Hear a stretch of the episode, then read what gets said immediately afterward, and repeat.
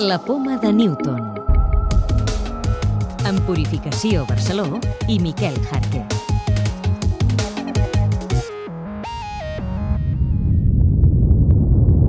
Avui us parlem de terratrèmols. Aquest és el soroll que provoca un moviment de terra.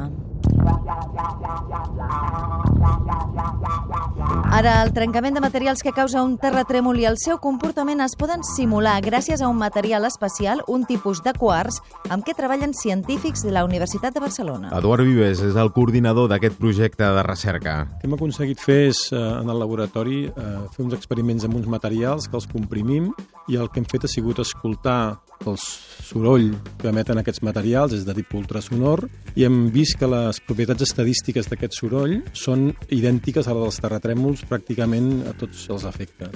Els terratrèmols no es poden preveure, però treballar amb simulacions de molts moviments sísmics i estudiar com es comporten pot establir unes pautes per avançar en aquesta línia. Pot permetre doncs, fer tests de terratrèmols en el, en el laboratori i aleshores comprovar les possibles teories que s'estiguin dissenyant per intentar veure fins a quin punt es poden prediure o no els terratrèmols, doncs poder-les aplicar primer en el laboratori, en aquests experiments, i llavors, si funcionen aquí, aleshores és quan es pot anar i fer-los provar-los en els terratrèmols de veritat. Però d'alguna manera podem generar molts terratrèmols a, a voluntat per comprovar i fer test de teories, hipòtesis que es facin sobre el comportament dels terratrèmols.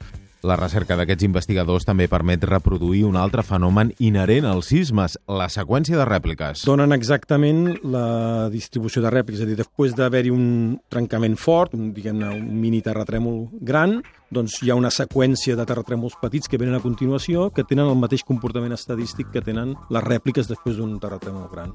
La investigació ha estat possible gràcies al desenvolupament d'una màquina de compressió molt sofisticada que pot servir també per estudiar com i per què es produeixen els enfonsaments de mines naturals.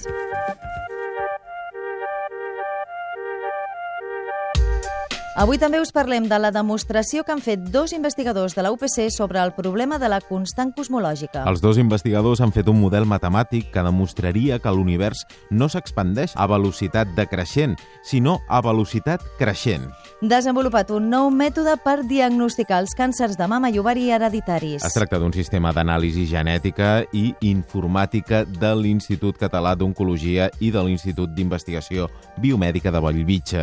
De moment, ha donat una fiabilitat del 100% i ha permès identificar totes les mutacions possibles d'aquest tipus de tumors. La Via Làctea té més galàxies satèl·lit que les que es poden observar amb telescopis. El descobriment s'ha fet gràcies a simulacions del supercomputador Mare Nostrum de Barcelona. Es tracta de galàxies nanes que es mouen a tanta velocitat que el seu gas desapareix i es converteixen en invisibles per als telescopis. La clau de volta.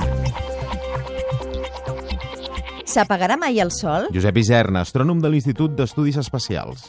Sí, d'aquí uns 4.500.000 milions d'anys, el Sol es convertirà en una gegant vermella, expulsarà les últimes capes i quedarà només el nucli central, que serà una estrella de la meitat de la massa que té i la mida de la Terra, que s'irà refredant lentament.